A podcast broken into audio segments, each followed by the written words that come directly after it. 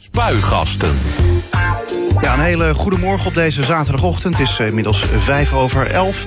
Je luistert naar Spuigasten, politieke radioprogramma van Stichting Debatmeester... in samenwerking met Den Haag hier live vanuit de Centrale Bibliotheek aan het Spui. En tot 12 uur neem ik de afgelopen politieke week door... en natuurlijk, natuurlijk ook met mijn gasten. Van 1 tot 8 oktober is de Landelijke Week tegen Eenzaamheid. In het hele land is er dan extra aandacht voor eenzaamheid. En ook in Den Haag zijn er speciale activiteiten rondom eenzaamheid. In de stad zetten veel organisaties zich in om eenzaamheid te herkennen, te verminderen en te voorkomen. Wethouder Kavita Parboudejal van Zorg, Jeugd en Volksgezondheid... die is in spuigasten over het eh, eenzaamheidsbeleid. Uh, welkom, allereerst goedemorgen. Goedemorgen, Ivar. Ja, hoe ziet het weekend van Kavita Parboudejal eruit? Ja, ik ga, uh, vandaag is ook burendag. Dus ik ga vanmiddag uh, lopen bij een aantal scoutingclubs. En daarna ga ik uh, koken met een thuiskok. Omdat ook vandaag gestart is Kook voor je buur tiendaagse. Vanuit thuis afgehaald, waarbij in het hele land wordt gekookt. En daar ga ik aansluiten. Ga koken voor een aantal mensen die lekker met elkaar gaan eten. En, en wat heb je daar dan als wethouder te doen? Ik ga helpen koken. Ja, dat snap ik. Helpen uh, verpakken en uh, we gaan het eten brengen. En dat past ook een beetje in mijn eenzaamheidsaanpak. Dat uh, we steeds willen stimuleren dat mensen, als het niet meer gaat... dat ze ook voor een zacht prijsje um, lekker gezond kunnen eten. En met thuiskoks dichtbij in de buurt wordt dit mogelijk gemaakt. En moet het ook fijn zijn om langer thuis te kunnen wonen. Dus eenzaamheid, langer thuis wonen, past helemaal in mijn actieplannen en in mijn portefeuille. Klinkt wel als een weinig ontspannend weekend. Nou, het is ook heel leuk hoor. Lekker buiten en uh, zien hoe het gaat met de mensen in de stad. Hoort bij mijn portefeuille. En ik, ga, ik geniet er ook van. Precies, nou, het is ook maar hoe je koken uh, ervaart natuurlijk, of beleeft. De een vindt het leuk en de ander niet. Uh, gaan we het uh, straks over hebben, hè, over het eenzaamheidsbeleid. Maar we gaan het programma ook hebben over de maximumsnelheid op rijks- en provinciale wegen. Die moet zo snel mogelijk omlaag om de, stikstoot, om de uitstoot van stikstof terug te dringen en de natuur in Nederland te herstellen. Dat adviseert de commissie Remkes aan het kabinet. Zo mogelijk kan het kabinet de snelheid alleen verlagen in gebieden langs kwetsbare natuurgebieden. Ook adviseert Remkes om gericht boerenbedrijven uit te kopen of te saneren. Daarnaast moet de natuur zo snel mogelijk hersteld worden. Hoe kijken de VVD en GroenLinks in Den Haag naar dit advies? De gemeenteraadsleden Chris van der Helm van de VVD en Maarten de Vuist van GroenLinks... die zijn te gast. Dat er straks in Spuigasten. Maar eerst... Het politieke weekoverzicht. Maandag 23 september. Het Haga ziekenhuis in Den Haag heeft een medewerker ontslagen... die begin september een dienstoverdracht met namen en medische gegevens gebruikte als boodschappenlijstje. Het lijstje bleef na het boodschappen doen liggen in een winkelwagentje en werd daar gevonden. Uh, Kavita, uh, ja, goed dat deze medewerker is ontslagen? Kijk, in de medische sector moeten we heel goed omgaan met privacy en gegevens van uh, alle mensen en van patiënten.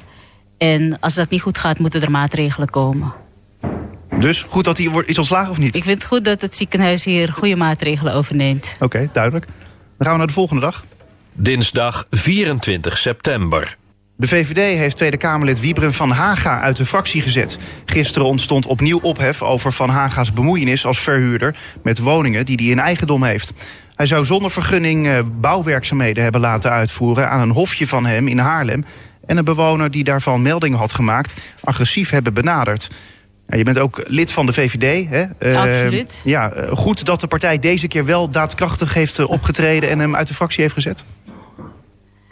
Kijk, we hebben wetten in Nederland en uh, niemand staat boven de wet. Dus uh, we moeten ons eraan houden. Ja, dat, dat, dat, dat is duidelijk. Um, alleen, kijk, als je kijkt naar de VVD, zijn natuurlijk wel vaker uh, nou ja, de, kleine schandaaltjes, grote schandaaltjes uh, geweest bij de partij. En in dit geval uh, ja, leek het eigenlijk onontkoombaar. Dus in die zin dan goed dat er nu deze keer eens een keer snel actie is ondernomen. Het is goed dat ook hier actie op is ondernomen en dat de VVD maatregelen heeft genomen in de Kamer. Ja, doet het je pijn als VVD'er in die zin dat er toch wel vaak dit soort incidenten bij de partij plaatsvinden? Ik sta er heel nuchter in. We moeten ons houden aan wetten en regels. Ik doe dat ook. En uh, niemand staat boven de wet. Dus uh, zo hoort het gewoon. Woensdag 25 september. De maximumsnelheid op rijks- en provinciale wegen moet zo snel mogelijk omlaag om de uitstoot van stikstof terug te dringen en de natuur in Nederland te herstellen, adviseert de commissie Remkes aan het kabinet. Zo kan het kabinet de snelheid alleen verlagen in gebieden langs kwetsbare natuurgebieden. Ook adviseert Remkes om gericht boerenbedrijven uit te kopen of te saneren. Daarnaast moet de natuur zo snel mogelijk hersteld worden. Kan uh, de gemeente Den Haag nog iets met de adviezen van de commissie Remkes? Uh, ik ga ervan uit dat mijn collega Revens hier uh, afgelopen periode en de komende dagen heel hard over gaat zitten nadenken. Ik denk zeker dat we hier wat mee moeten doen. Want wij willen ook in Den Haag veel meer woningen bouwen. Want die huisvesting is hard nodig. Ook voor de zorgdoelgroepen, ik zeg het maar zo bij. We hebben veel meer nodig voor uh, passende huisvesting voor dak- en thuislozen. Maar ook voor mensen in beschermd wonen. En uh, we moeten goed kijken wat uh, een goede middenweg is binnen al die adviezen van Remkes. Zodat we verder kunnen met onze woningbouwopgave. Is het echt een enorm zorgkindje voor de gemeente Den Haag? maar natuurlijk ook voor andere gemeenten. Maar in dit geval, jij werkt bij de gemeente Den Haag. Ja, als die woningen niet komen, dan hebben we een probleem. Dan, kunnen, daar hebben we sowieso een groot probleem.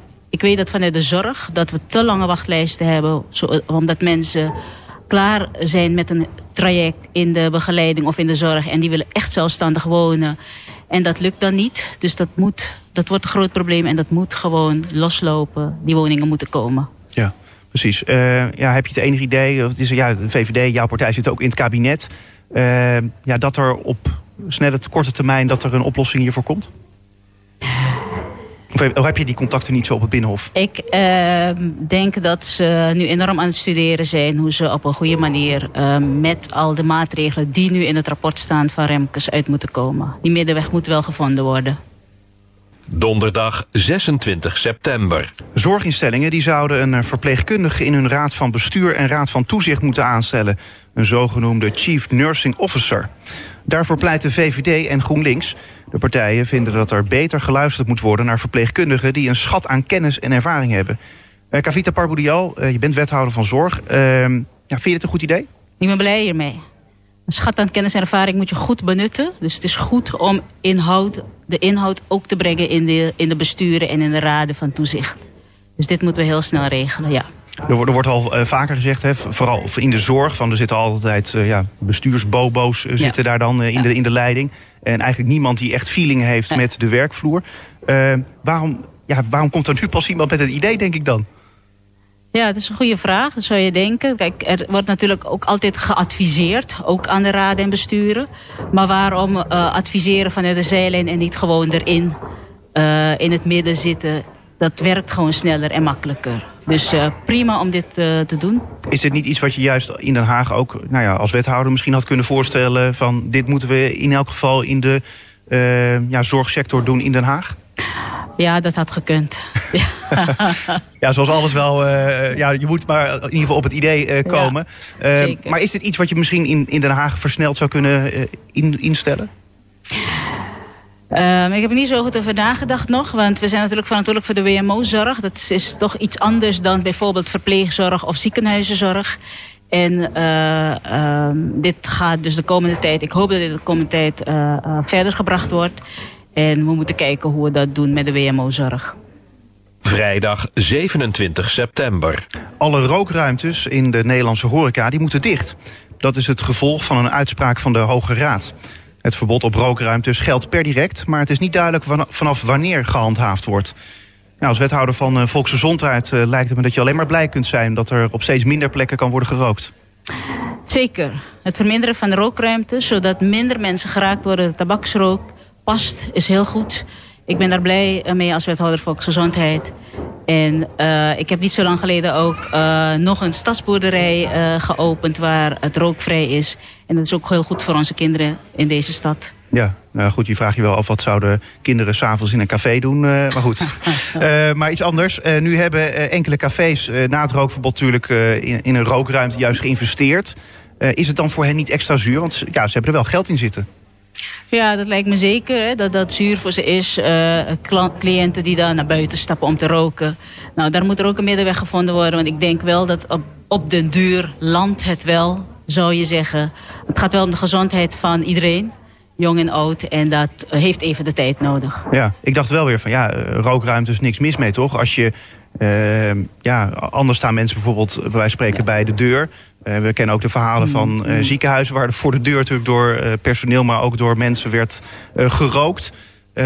ja, dat mag dan op veel van die plekken dan niet meer bij openbare gebouwen. Ja. Maar in dit geval denk ik ook, ja, nu, nu zorg je wel weer voor dat misschien mensen bij de ingang van een café weer gaan staan roken. Ja. Ja, dat klopt. Je ziet ook dat bij ingangen van heel veel gebouwen ook weer ro rookvrije ruimtes komen. Dus ook dat uh, zal uh, zeker weer verder gaan. Ehm, dan nog is gezondheid staat bovenop. Dat is ook de reden dat dit gebeurt. We hebben ons als land ook geconformeerd aan de WHO-afspraken. En ik snap dus ook de uitspraak van het Hoge Raad. En we moeten hier wel goed gevolg aan geven. En uh, dat zal nog even duren. Ja, de WHO, de Wereldgezondheidsorganisatie. Ja. Uh, moeten we nou medelijden hebben met die cafés die hebben geïnvesteerd in die rookruimtes? Nou, medelijden niet, maar ik kan me voorstellen dat we daar uh, wel aandacht aan moeten geven. En uh, ook voor hun belangrijk om uh, te kijken hoe ze dat dan wel doen. Want caféhouders zijn natuurlijk ook trots en blij met hun klanten. Ze willen het altijd goed doen. Dus die klantgerichtheid, daar zou, zouden ze iets aan moeten gaan doen nu. Oké. Zaterdag 28 september. Bij het uit de hand gelopen vreugdevuur op Scheveningen zijn afgelopen jaarwisseling niet toegestane brandbare stoffen gebruikt. Beter bekend als brandversnellers. En mede daardoor brandde de vuurstapel sneller en anders dan verwacht. Dat melden bronnen aan RTL Nieuws. Ja, Kavita Parbourial, nu we dit weten, wat vind je ervan? Is verschrikkelijk wat er is gebeurd hè? Uh, uh, begin dit jaar op Scheveningen. En uh, goed dat er een onderzoek loopt. het moet goed onderzocht worden en we moeten daarna kijken wat de verdere stappen zullen zijn. Ja, uh, nou wordt het al goed onderzocht. Eigenlijk sterker nog, het is volgens mij al onderzocht. En in elk geval in de eerste week van oktober komt dat OVV-rapport. Heb jij het al gezien? We moeten echt het rapport afwachten. Het definitieve rapport ligt er uh, binnenkort, begin oktober. En uh, dan moeten we kijken wat we verder gaan doen voor deze ja. stad. Maar mijn vraag was, heb jij het al gezien? Het rapport moet echt afwachten. Ik kan daar hier uh, geen uitspraak over doen. Oké, okay, maar in elk geval zou je ook kunnen zeggen dat je het niet mag zeggen? Nee, ik, we moeten hier echt op het rapport wachten. Uh, AD Haagse Courant die, die schrijft dat Scheveningers nog steeds met uh, schade zitten. Ze kregen nog geen cent vergoeding van de gemeente Den Haag. Uh, ja, had dat niet al eerder moeten gebeuren? Dat, dat, dat die schade al zou zijn vergoed door de gemeente Den Haag? Ik ben hier niet zo goed van op de hoogte. Er waren afspraken tussen de gemeente en uh, bij de gemeente over de schadevergoeding. We moeten even goed kijken naar de, de, dit bericht. Dat zal maandag wel aan de orde komen. Ja, precies. en veel media die schrijven ook over de politieke toekomst van Pauline Krikke. En die is niet echt rooskleurig. hoe zwaar gaat, gaat zij het krijgen, denk jij? Ja, als het rapport er ligt, dan moeten we goed kijken wat daaruit komt en wat de verdere stappen zijn. Dus daar, uh, dat komt dan binnenkort wel. Ja, en dan gaan we zien hoe Pauline Krikke ja. daar zich uit werkt. tot zover het weekoverzicht. Meer nieuws vind je natuurlijk op onze website denhaagfm.nl. Tot 12 uur spuigasten op Den Haag FM. Den Haag Van 1 tot 8 oktober is de Landelijke Week tegen Eenzaamheid. In het hele land is er dan extra aandacht voor eenzaamheid. En ook in Den Haag zijn er speciale activiteiten rondom eenzaamheid.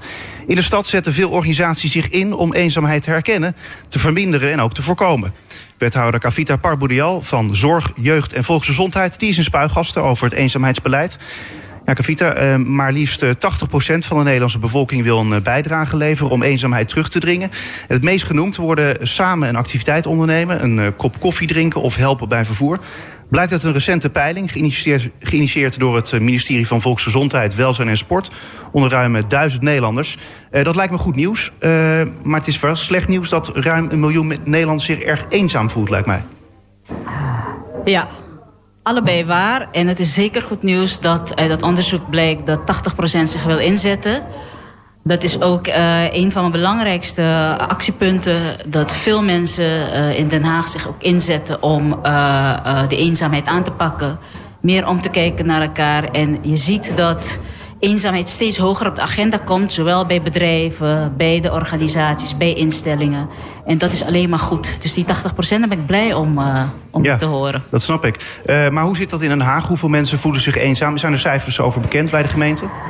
Ja, het, onderzoek van 2016, wat we hebben gebruikt afgelopen periode ook om het actieplan op te stellen, dateert van uh, 2016 dus. En daaruit bleek dat uh, ruim 50% van de Hagenaars zich wel eens tot vaak eenzaam voelt.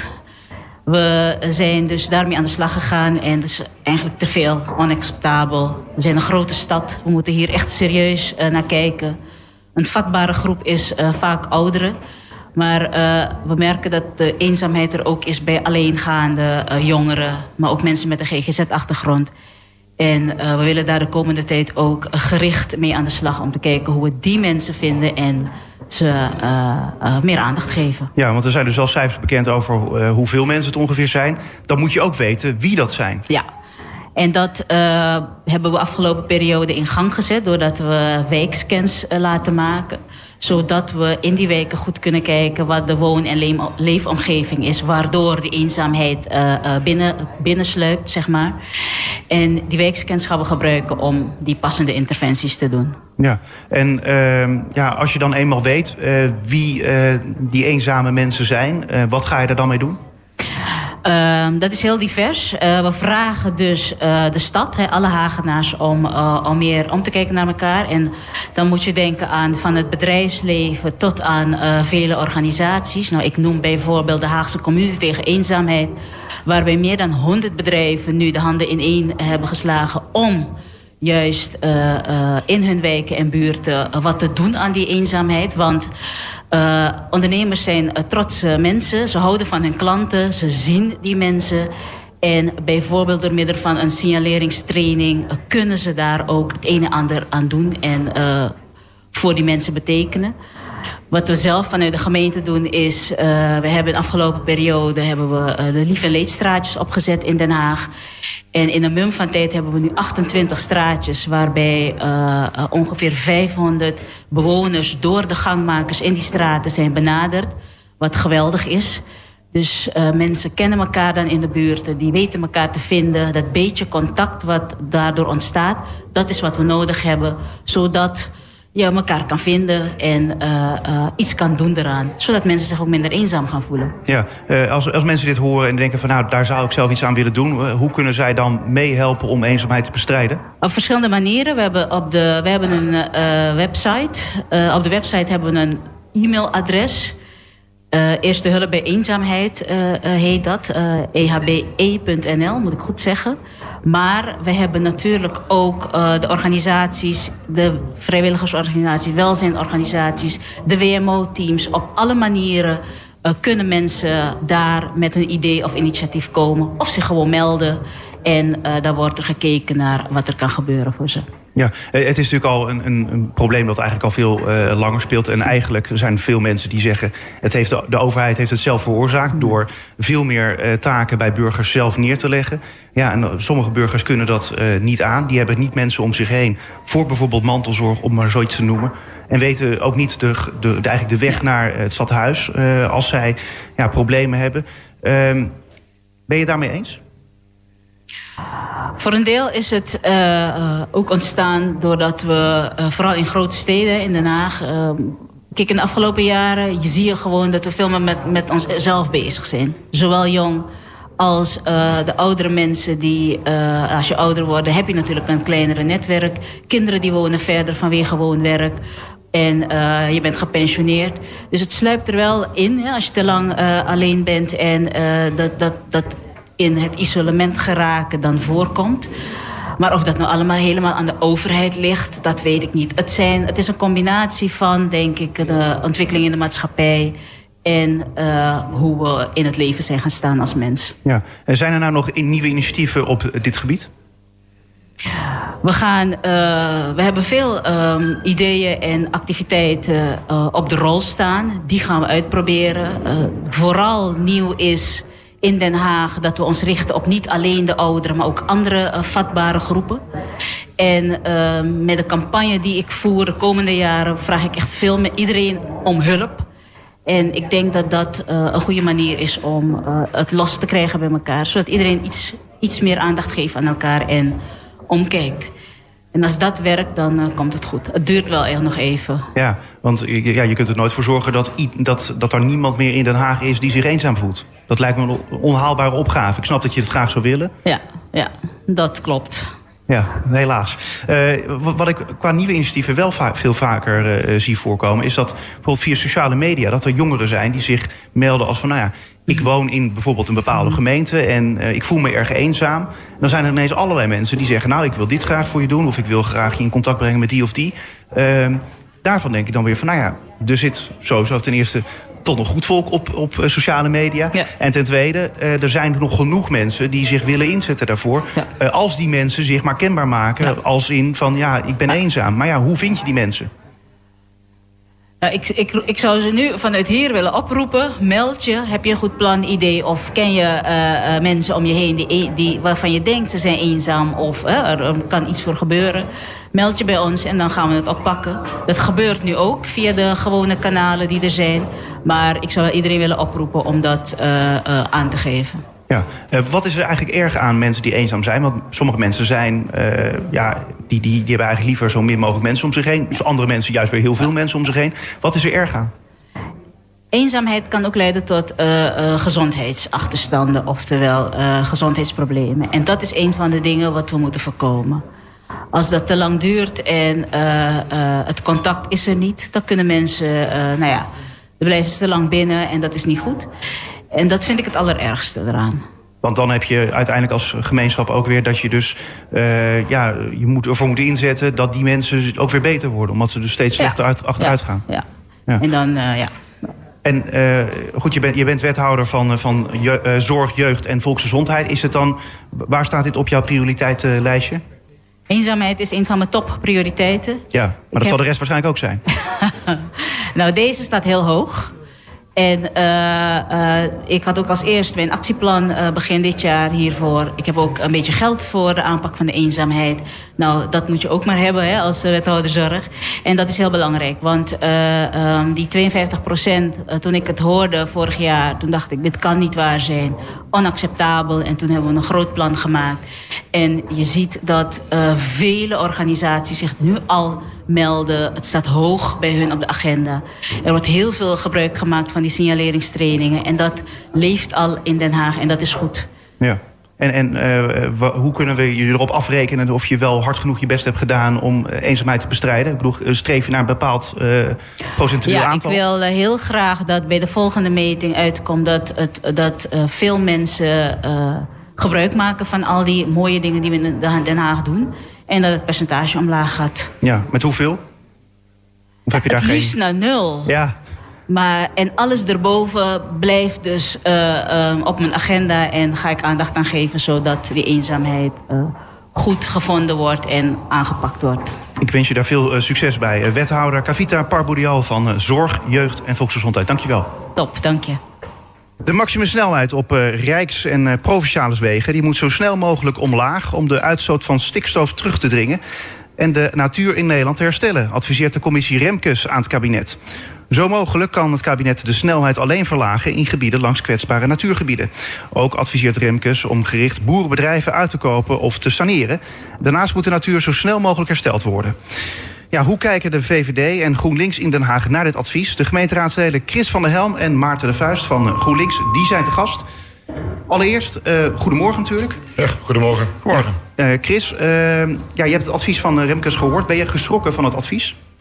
Nou, het is een advies, hè? dus dat betekent dat er nog uh, over nagedacht gaat worden. Het Rijk heeft ook aangegeven dat ze er de komende tijd aan gaan kijken. Het, uh, het heeft best wel wat spoed ook. Uh, want het betekent nogal wat, de pas, hè, dat stikstofadvies en wat de rechter bepaald heeft. Uh, want dat betekent in ieder geval voor Den Haag. Kijk, landelijk betekent dat ook een heleboel. Maar ik ben een lokaal raads, uh, ben raadslid. Ga, ga ik over lokale zaken. En als ik lokaal kijk, dan zie ik dat er best wat bouwprojecten in de knel komen. En niet alleen voor woningen geldt dat, maar ook voor allerlei duurzaamheidsinitiatieven kan het, kan het best een probleem opleveren. Dus al met al is dat best wel spannend. Nou, um, um, als het aan de VVD ligt, dan wachten we op waar het Rijk mee komt. Um, als je kijkt naar wat de meeste, de grootste vervuilers zijn, dan is dat landbouw, veeteelt, industrie. Daar zie je echt dat, dat die voor meer dan de helft uh, uh, verantwoordelijk zijn voor de, stikstofuitstoot. Ja, en Den Haag heeft bijvoorbeeld ja, praktisch geen landbouw. Dus als je dan kijkt naar van ja, wat moeten we dan doen, dan blijft er niet veel over. Nee, uh, ja, laten we zo meteen nog eventjes teruggaan naar het advies van, van, van Remkes. Ook even luisteren naar hem. Maar eerst nog even Maarten. ja, geschrokken van, van het advies? Nou, ik vind het, uh, waar ik vooral verheugd over ben... is dat ik zoveel wijze VVD'ers de afgelopen tijd heb gehoord. En daar schaar ik Remkes ook onder. Dus jij is niet geschrokken? Nou, uh, ik, ik, ik denk dat... één, we wisten al van vorig jaar november... wat de uitspraak van het Europees Hof was. Dus we hadden dit eigenlijk wel kunnen zien aankomen. Het leek een soort tijdsvertragende maatregel... om die adviescommissie in te stellen. Nou, die adviescommissie is nu gekomen. Dat is inmiddels... en dan citeer ik een andere wijze VVD... Boudewijn Revens is vier maanden geleden... En we moeten nog steeds, zoals Chris aangeeft, wachten op de reactie van het kabinet. Um, ik stel voor dat we als gemeente niet hetzelfde doen als het kabinet. En dat is vertragen, wachten, maar dat we nu al ons, uh, ons huiswerk doen. Nou, eerste aanzet heeft uh, de wethouder Revis uh, gedaan. Hij heeft gezegd hoeveel woningen er op dit moment op de tocht staan door pas. Dat is enorm veel. Dat is, daar schrok ik van. 20.000? 20.000. Daar schrok ik wel van. dat dat echt zoveel was. Goed dat we zo proberen te bouwen, maar als dat allemaal op de tocht staat, oké. Okay. Wat ik dan wel mis, om dan door te gaan wat kunnen we lokaal doen... laten we dat dan uitsplitsen. Laten we kijken, wat zijn degenen die dicht zijn bij Natura 2000... en, uh, beste Boudewijn Revens, inderdaad, ik ben het eens met Chris... we hebben geen landbouw. Dus die 70% die valt weg. Dus wij moeten kijken naar verkeer en industrie. En dan is voor Den Haag... verkeer is wat wij zelf het meest uitstoten aan stikstof. Dus laten we daar zelf naar kijken wat we kunnen doen. En laten we ook nog even luisteren naar uh, Johan Remkes. Die, uh, ik wil daar zo nog wel op reageren. Want... gaan we doen, gaan we doen. Eerst even Johan Remkes. Een belangrijk inzicht is dat de tijd van juridische trucs en listen echt voorbij is. Ik hecht eraan om dat te benadrukken. Het aantal natuurgebieden verminderen, geen optie, omdat dit in Europa weinig kans van slagen he heeft en dus geen bijdrage levert aan de korte termijn oplossing. Er zijn maatregelen nodig die zoden aan de dijk zetten. De natuur moet herstellen en de uitstoot van stikstof moet omlaag. Dat is wat nodig is om uit de huidige impasse te komen. Kort en goed komt dit advies op het volgende neer. We moeten beginnen bij de sectoren en activiteiten die voor een groot deel van de uitstoot van stikstof zorgen. En dan vooral daar waar kwetsbare Natura 2000 gebieden worden bedreigd. En dan praten we over de veehouderij, het verkeer, de bouw en de industrie. Ja, Chris van der Helm, je wilde waarschijnlijk uh, reageren op het feit dat uh, Maarten juist zoveel uh, ja, goede VVD'ers heeft gehoord. Of in elk geval verstandige VVD'ers. Het was heel verstandig. VVD'ers zijn altijd verstandig, kan niet anders zeggen. um, dat is een open deur.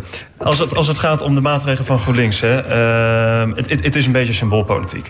Uh, als we kijken naar de Natura 2000 gebieden in Den Haag, dan zijn dat de duinen uh, en het Wapendal, wat eigenlijk nog een klein stukje overgebleven duin is in Bohemen. Nou, als ik daar dan omheen kijk, dan zie ik daar geen enkele weg die, waar je harder mag dan 50. Met andere woorden, het voorstel geloof ik 80 of 100, dat is daar al helemaal niet van toepassing. Als je, als je luistert naar Remkes, dan gaat die maximumsnelheid gaat over kwetsbare natuurgebieden. Dat is dat deel. Dus Um, um, um, ik zie daar al helemaal geen meer verbetering meer, want dat is al in Den Haag. Maar dat is wel heel interessant, hè? Want en, een tweede punt, een, tweede punt, een tweede punt, dat is ook nog wel eens interessant. Uh, uh, als we kijken naar de luchtkwaliteit in Den Haag, en dan daar zijn wij in Den Haag ongelooflijk scherp op. Uh, en je kijkt naar de stikstof in de lucht in Den Haag, dan voldoen we overal aan de normen. Dus dat is ook nog eens heel in, in Den Haag helemaal in orde. Dus ik zie niet zo goed waarom GroenLinks nu met al dit soort plannetjes komt. Het is leuk, het is mooi voor de buren, het is misschien ook leuk scoren voor de achterban, maar het helpt echt niet. Maarten de Vuist? Nou, ik, ik schaar voorlopig Chris van Helm nog niet bij de, mijn uh, rijtje van wijze VVD'ers. Terwijl ik weet dat hij die potentie in zich heeft.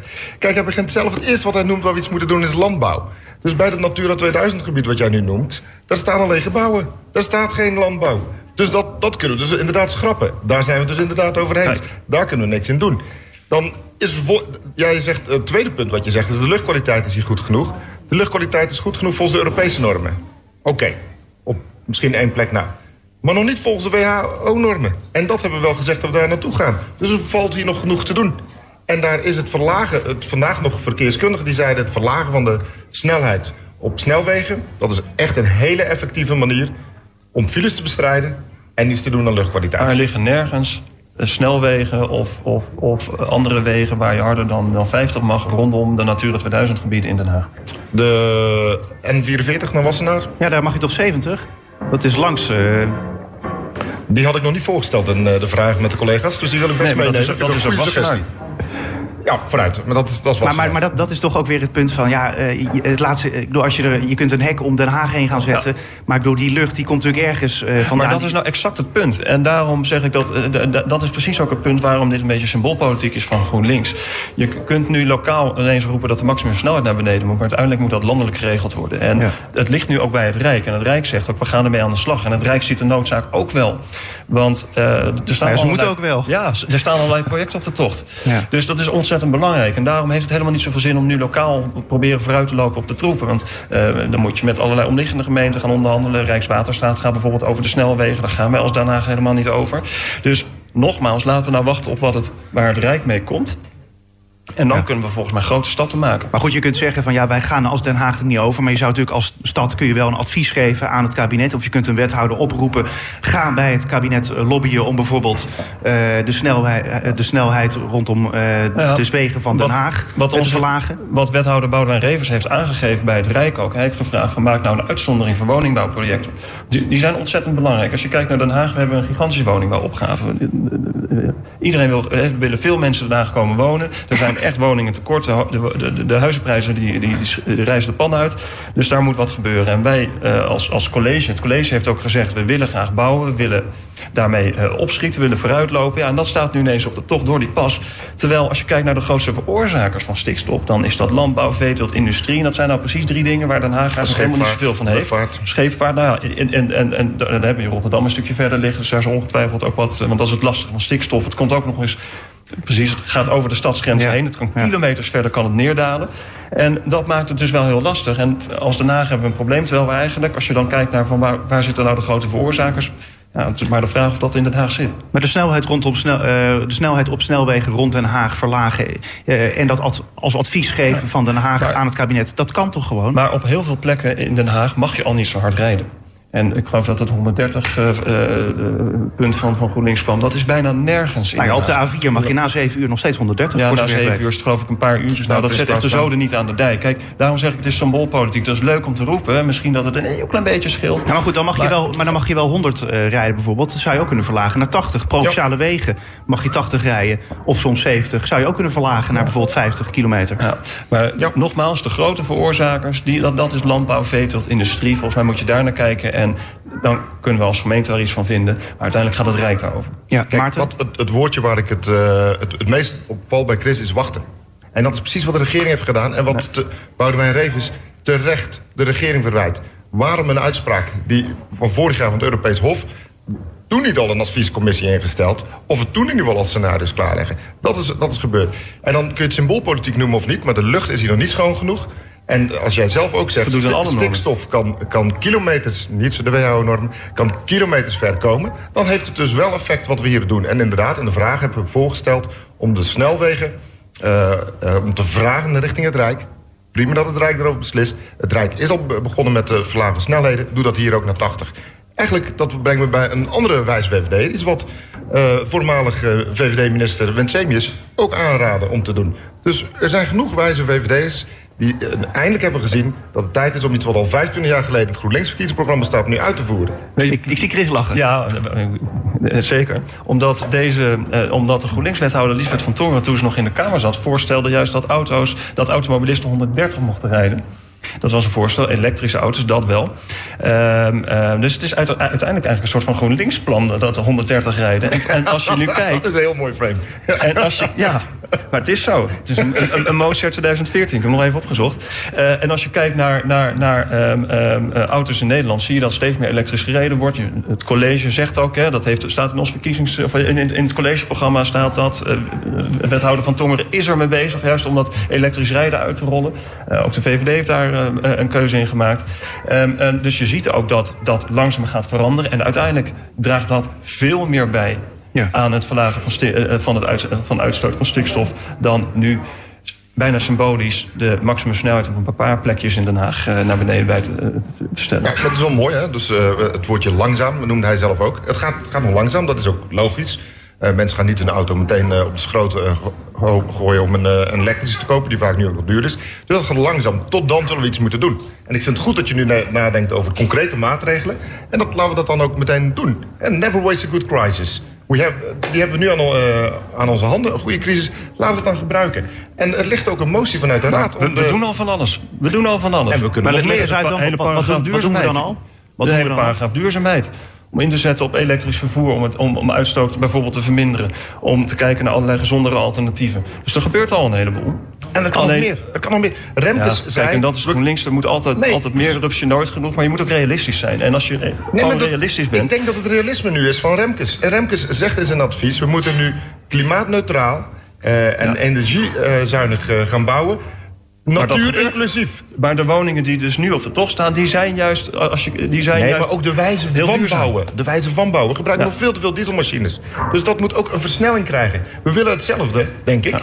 Maar de termijn waarop we dat willen, ja, daar, uh, daar ben ik ongeduldig in. Zeker. En ik denk dat het nu bewezen is dat dat ongeduld terecht is. Ja, maar goed, als, je, je kunt zeggen van je, je kunt het politiek aanvliegen, maar je kunt ook zeggen, ja, de industrie uh, zou het op, gemeente, op, op, op, op een gegeven moment zelf moeten bedenken van nou, wij willen dat het ook uh, duurzamer gebouwd wordt. In plaats van dat, dat, dat de woningen zelf dan duurzaam zijn, maar dat de grondstoffen die gebruikt worden ook duurzaam zijn. En vooral de machines. En daar en zijn ook volgens mij al meerdere moties, uh, ook volgens mij nog in de vorige raadsperiode aangenomen, om dat, om dat meer te gaan doen. Nou, dit is duidelijk een een stimulans om dat te gaan doen. Maar dan moet je dan als gemeente moet je dat dan nu gaan doen en niet wachten tot het Rijk. Dit zijn wel de dingen die je zelf kunt doen.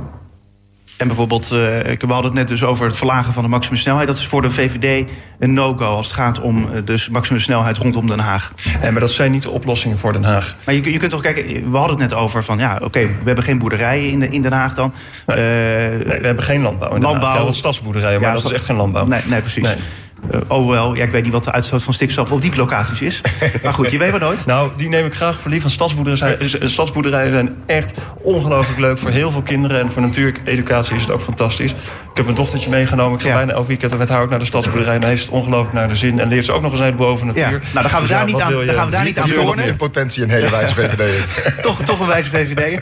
Um, maar Wel Chris, maar niet gek. Maar het, het is een no-go voor de VVD om te zeggen... wij willen, net als GroenLinks, kijken naar het verlagen van de maximumsnelheid op snelwegen. Ja, maar dat is, dat is, een landelijke discussie. En als je kijkt naar de natuurgebieden, natuur, de Natura 2000 gebieden die we in Den Haag hebben, daar liggen helemaal geen grote en, en uh, provinciale of, of rijkswegen uh, langs. Daar, daar, is het al heel langzaam verkeer. Um, dus laten we nou. Um, Laten we nou wachten op het Rijk, die echt al onder, met bloedspoed allerlei dingen aan het uitrekenen is, aan het kijken is van hoe kunnen we dit nou oplossen. Industrie, landbouw, veeteelt, zit allemaal niet in Den Haag. Maar uh, dat zijn grote veroorzakers. Ja, en volgens mij, nogmaals, het is een landelijke discussie. Het is leuk dat GroenLinks uh, met een beetje symboolpolitiek nu probeert uh, punten te scoren. Maar ja, het was hun eigen wethouder die, toen nog Kamerlid was... en juist zei, laat ze 130 rijden te snel. Ja, de elektrische auto's, ja, dat, ja. die, die hebben inderdaad nul uitstoot als stikstof. Dus dat is, dat is prima. En daar vinden de VVD en GroenLinks elkaar maar, maar laten we dan even, in te zetten. precies, en laten we dan kijken lokaal. Hè. Er komt een milieuzone. dat is ook een kans uh, om, dat, uh, om dat hier in Den Haag, de, de stikstofuitstoot, uh, verder aan te pakken. Hoe sta je daar tegenover, Chris? Nou, daar gaan we binnenkort nog een debat over hebben. Dat is een tijdje terug is er al heel kort over gesproken in de Raad. er zijn verschillende vormen van, van de milieuzone. in, het, in het collegeakkoord staat daar ook dat dat wordt... ja, ik zal hem iets dichterbij zetten, ja, dat is wel ja, handig. Hè? Het collegeakkoord staat dat we met een aantal andere grote steden en het Rijk gaan kijken um, um, uh, wat voor milieuzone er moet komen, welke maatregelen daarvoor, daarvoor zijn. en daar gaan we binnenkort nog een debat over hebben, want er zijn, er zijn verschillende vormen. Een hele, hele strenge variant is er, een wat mildere variant. Ik zou nou niet gelijk willen zeggen een hele strenge variant, maar goed, daar gaan we het nog over hebben. Ja, ik moet ook eerst een stukken zien. Hè? Ik vind zelf die hele strenge variant nog steeds heel mild. Dat gaat over diesels die ja. 15 jaar of ouder zijn, dat die er niet in mogen. Dat vind ik erg mild. En als je juist wat, je, wat we allebei willen, en hier komt het ongeduld aan onze kant, denk ik, naar boven. Uh, hoe je dat verder ook wil framen, dat laat ik aan jou. Maar het ongeduld aan onze kant is, oké, okay, dan 15 jaar, laten we dat dan doen. Uh, dan, dan geef je weer een stimulans om op zoek te gaan naar duurzame auto's. Naar, uh, naar vormen van deelauto's. Zodat je die versnelling kan doen naar die elektrische auto's. Ik hoor dat jij daar ook naartoe wil. Ja, maar er is een verschil, als er is een allemaal, verschil tussen dwang en gewoon realisme. Ja, want dat voelt en, dan als pushen, zeg maar. Ja, kijk, en, en, en, en tuurlijk, je moet ambities hebben. En je wil ergens naartoe werken. Maar doe dat dan wel op een realistische manier. En, en om zomaar een hele binnenstad op slot te gooien voor, voor een heleboel auto's, dat is, dat is gewoon niet verstandig. Daar moet je heel goed over nadenken. En daarom er is echt een verschil tussen dwang en realisme. Maar waarom moet je daar goed over nadenken? Je kunt toch gewoon zeggen van ja, in bepaalde straten willen we gewoon geen auto's meer. Het is gewoon te druk, te vol. Nou, dat is in de binnenstad gebeurd een aantal, een, een aantal jaar terug hè, met het verkeerscirculatieplan. Dus, en daar is, al, daar is toen heel lang over gesproken. Daarom gaan we het binnenkort nog over de milieuzone hebben. Maar zomaar roepen, er mogen geen auto's meer de stad. in. Ja, dat, dat Goed, ja, GroenLinks die roept het niet zomaar. Nee, ik bedoel, nee, het komt wel ergens vandaan. Nu wordt er gedaan. eh, eh, dit is een beetje onheilsprofetie van eh, de kant van Chris. Dat, dat is natuurlijk niet zo. Nou ja, Eh, als we het hebben over dat doet GroenLinks ook diesels, het over het klimaat diesels, diesels die ouder zijn dan 15 jaar, dan hebben we het echt niet dat er geen auto meer in de stad in komt. Dan beginnen we met keuzes maken. En keuzes die nodig zijn. En die we uitgesteld hebben. En die zijn nodig voor inderdaad eh, onze kinderen. Zodat ze hier schoner kunnen ademen. De lucht in, eh, als je de, de vervuilde lucht in Europa bekijkt, dan zie je Nederland kun je meteen herkennen. En dat heeft ook met scheepvaart te maken en luchtvaart. Wil ik, ga, ga ik zo met jou mee naar het Binnenhof om daar te demonstreren dat we schonere scheepvaart willen? Lijkt me heel leuk. Maar we moeten ook doen wat we zelf kunnen doen. En dat is niet forceren, dat is niet drupsje nooit genoeg. Dat is realisme. Aan onze kant. Omdat de lucht die we hier in ademen nog steeds niet schoon genoeg is. Volgens de WHO-normen. En dat is de Wereldgezondheidsdienst. En dan, dan is toch elk klein dingetje wat je kunt eh, veranderen daaraan... is dan toch mooi meegenomen? En dit is een klein dingetje. Dit is helemaal niet de stad op slot gooien. als je. Kijk, natuurlijk is, is er heel, een heleboel mooi meegenomen. Maar nogmaals, het moet wel realistisch zijn. Je kan wel naar iets heel kleins toe werken. Maar als dat ook hele grote ehm, ehm, consequenties met zich meebrengt. dan moet je je afvragen of je dat dan wil. Als je kijkt naar de luchtkwaliteit, die normen. daar voldoet inderdaad op één heel klein. eh, eh, één kleine locatie in Den Haag. Voor de rest is heel Den Haag, als het gaat om de luchtkwaliteitsnormen. gewoon goed. Dat is helemaal in orde. En we gaan naar de WHO-normen toe werken. En zelfs daarin zitten we al redelijk, geloof ik, eh, richting de WHO-normen. als ik het stuk moet geloven. Ehm, dus dat ziet er best goed uit. Ma Maarten zegt nee. Nee, de ontwikkeling is goed. We, bedoel, Nou. de, de, de luchtkwaliteit. Maar al, het is een beetje. Nee, ja, dan, dan zitten we zo rond de 2100 zitten we op de juiste lucht. Het moet iets sneller. Ja, maar het kan sneller. De technologische middelen zijn er. Dat is het realisme. Maar we- we we, hoeven het niet. We hoeven het niet. eh, we hoeven niet de stad op slot te gooien. Maar we kunnen beginnen. En dat is wat ook de, eh, de minister voorstelt in, eh, in haar brief over milieuzones. Je begint met nu te zeggen 15 jaar eh, en ouder. En dan wordt het 2025 weer- wordt het weer Maar we zijn begonnen. We hebben een hele goede paragraaf duurzaamheid eh, als collegepartij hebben we neergezet. Daar wordt nu uitvoering aan gegeven. Daar komt nog veel meer aan de komende jaren als ik, eh, als, als ik, als ik de voortgangsbrief moet geloven. Daar staat een milieuzone genoemd. En hoe die eruit komt te zien, daar gaan we het nog over hebben. Dat wordt nu uitgewerkt. Ja, we hebben het nu vooral over dingetjes die moeten eh, veranderen. En eigenlijk, eh, ja, je moet de, de auto's meer terugdringen en, en eh, de maximumsnelheid verlagen, eh, had eh, GroenLinks als voorstellen. Wat je ook kunt doen, is de natuur versterken. Meer groen in de stad. Chris? Nou, ja, zeker. Welke plek? Nou, daar wordt heel erg rekening mee gehouden. Juist ook met nieuwe woningbouwprojecten wordt juist ook, ook eh, gepro- geprobeerd hè, om zoveel mogelijk ook ehm ehm natuurinclusief te bouwen. Of in ieder geval heel veel rekening te houden met natuur. Als je kijkt naar het opknappen van wijken, bijvoorbeeld in Loosduinen, dan zie je ook dat, dat daar ook weer heel erg rekening wordt gehouden met groen en natuur. Eh, het gaat overigens ook heel goed met de Natura 2000 gebieden in Den Haag. We hebben zelfs, geloof ik, nog even een beetje opgezocht. De rugstreeppad die, eh, die, doet het, die floreert in, in de duinen. Ehm, dus, dus zeker, daar is ook aandacht voor. En dat is ook ontzettend belangrijk. Want eh, en, overigens, Den Haag is ook een hele groene stad. Hè. Dat weten veel mensen niet, maar er is zo ontzettend veel groen. Ehm, en ik denk overigens misschien wel een, eh, nog wel een leuke... maar als ik kijk naar wat nou echt een bedreiging is voor de Haagse natuur... is denk ik op dit moment de Amerikaanse rivierkreeft... een grotere bedreiging voor de, Ha- voor de Haagse natuur... en ook het water dan, eh, dan de stikstof. Het rode gevaar, zeg maar. Het rode gevaar, ja. Ik voelde de rivierkreeft al aankomen, ja. Maarten, eh, als ik zeg ja, natuurgebieden versterken of herstellen, eh, ja, waar denk jij dan aan? In Den Haag? Nou, het, is nog niet zo lang geleden volgens mij door Duné en de Duinen ook gebeurd. Hè? Dat hebben ze wel eens laten zien. En, en toen heb, wa- want dan, dan zie je ook wat, wat doet stikstof. Stikstof is eigenlijk te veel voedsel voor planten. En dat zorgt voor eh, kwetsbare planten, die ook vaker daarmee zeldzaam zijn, dat die eh, verdreven worden. Duné heeft toen volgens mij een meter aan, aan bovengrond af moeten schrapen, wat er eigenlijk allemaal te veel was ontwikkeld. Dat, je kunt zeggen dat is de natuurlijke ontwikkeling, maar de duinen zoals ze nu zijn, ja, dat is een beetje eh, conserverend van, van mijn kant. Maar die zou ik graag zo willen houden. En dat is precies waar, waarom we met, eh, moeten teruggaan in de stikstofuitstoot. Eh, dus dat, nou, ik denk dat, dus dat, dat, dat is waarom we het doen. Dat, en ik ben blij dat, dat inderdaad we daar dan ook over eens zijn. Ik denk dat, ik vind de mooiste uitdaging op dit moment eh, dat natuur, natuur inclusief bouwen. Eh, AVN heeft er ook een leuk boekje over. en ik weet dat dat echt wel tot de ambities behoort van de, de wethouder wonen. Ehm, maar het is inderdaad om ook te zorgen waar kun je groene daken maken. Waar kun je, waar kun je veel groenere gebouwen maken die aan de buitenkant al groen zijn. En die daarmee ook helpen tegen bijvoorbeeld hittestress. Den Haag is, is warmer dan, uh, dan de regio's om ons heen. 6 tot 8 graden warmer. Dus dat, dat, zijn, uh, dat zijn dingen die daar ook mee aanpakt. Uh, dus, dat, dus het gaat niet alleen om die natuurgebieden. Het gaat om, en daar zijn we het denk ik over eens... waar kun je overal dat groen terug laten komen? Waar kun je zorgen dat dat het water doorlatend is? Dat we geen natte voeten krijgen als het weer onregelmatig gaat regenen. Ik denk dat dat... Het moet niet groen alleen natuurgebied zijn... Doe mij maar groen in de hele stad. Ja, uh, tot slot, uh, laatste vraag. Uh, ja, komt er een motie aan van GroenLinks of, ofwel van de linkse partijen uit de Haagse gemeenteraad om bijvoorbeeld de maximumsnelheid te verlagen rondom nou ja, Den Haag? Er is al een motie geweest van het CDA. om de snelheid te verlagen naar 100 km per uur en daar dan de lobby voor te voeren.